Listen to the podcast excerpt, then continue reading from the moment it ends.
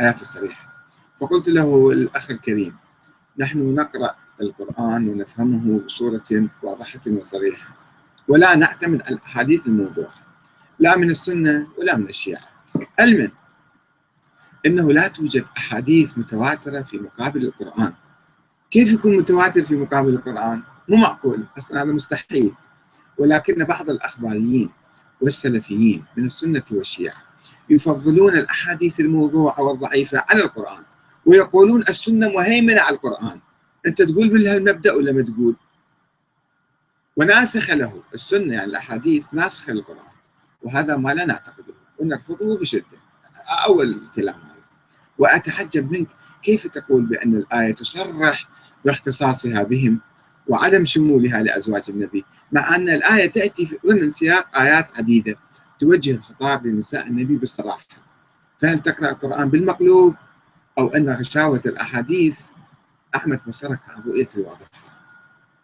ونقلنا لكم حديث آه، الكساء. بس نشوف إذا أكو تعليقات أخرى. الظاهر علي العبودي مرة أخرى يقول الظاهر أنك تتغافل عن الحقيقة. وليس أنك لم تفهم المقصود من صيغة الخطاب التي تحولت في نفس السياق من التأنيث إلى التذكير. طبعا واضح. ولكن لأنه مثل ما الآية الأولى اللي خاطبت زوجة النبي إبراهيم في سورة هود سلام الله عليكم ورحمته أهل البيت. لأنه ويا إبراهيم والنبي معاهم يعني الرحمة تجي أو أهل البيت لما يطهركم يطهركم من من الذنوب. من ال من ال يعني الحكي الزايد عليكم من الرجس. والنبي أيضا معكم فصارت الخطاب صار آه، جمع مذكر. جمع مذكر لأنه النبي دخل معهم فأنت تدخل أي واحد آخر. يعني إذا تقول الإمام علي الحسن الحسين ذول عظماء كانوا. آه، أتقياء أبرار ورعين داخلين في هذا. مو مشكلة. ولكن ليش تخرج؟ نساء النبي من الموضوع. يقول انت شوف لستن تقيتن كذا ثم يقول عنكم يطهركم. أما أن هذا الخطاب يشمل نساء النبي وجميع أهل بيته فله وجه من الصحة. ولكن أن يختص بهن دون أهل بيته المعروفين فهذا باطل قطعا. بل قال بنقيضه جملة من علماء الشيعة وبعض من علماء السنة. يعني الآن شوية تنزل يمكن. أنه يشمل فله وجه من الصحة أنه نساء النبي هم يدخلن، ليش طلعوا نساء النبي؟ هي الآية واضحة، أوكي طيب ندخل نساء النبي وأولاد النبي أيضا. والإمام علي أيضا يدخل بالموضوع، بس لماذا حذفنا نساء النبي؟ لأنه صار عندنا فد فهم آخر مغلوط أنه الآية أسمى يعني تشير إلى الاسمى التكوينية إنما يريد الله أن يذهب عنكم الرجس ويطهركم تطهيرا أنه خلاص أنتم مطهرين معصومين. لا الآية ما تدل على الأسماء ولا على الأسماء التكوينية أو التطهير التكويني. تدل على إرادة هالتشديد اللي جاء على النساء النبي وأهل البيت هو تجديد على آه، من أجل آه، تطهيرهم من حكي الناس من كلام الناس حتى حتى يتكلم عنه.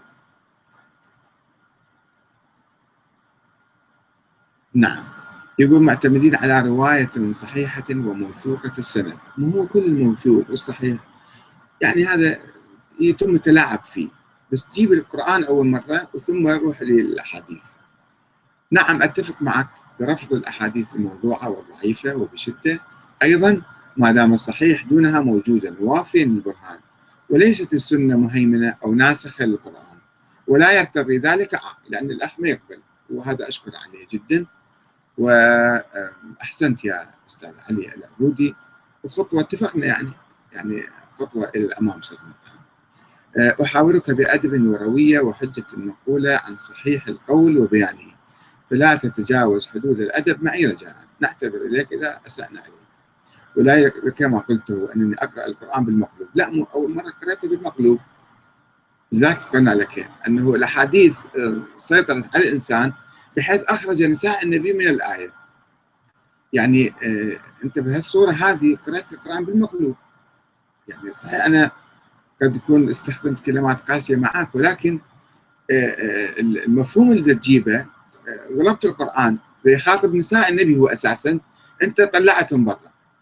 وليش تطلعهم برا؟ هو الآية يركز عليهم أن أنتم اهتموا بأخلاقكم بكلامكم مع الناس بأعمالكم واللي تجيب حسنة إحنا يعني نجازيها حسنتين واللي تجيب سيئة نضاعف لها العذاب. يعني هذا كان كل الكلام عن نساء النبي. فالآية المهم بالنتيجة أهل البيت يعني نساء النبي جزء من أهل البيت. آل آل النبي أتباع النبي. وحديث الكساء اللي يجيبون إياها ويطلعون كذا ويجيبون مفاهيم مغلوطة فيه فأكيد هذا من وضع الغلاة والمنحرفين عن أهل البيت وفي مفاهيم جدا مغالية وإلى هنا نشكر الأخ العبودي على مساهمته وعلى توضيح بعض النقاط والسلام عليكم ورحمة الله وبركاته.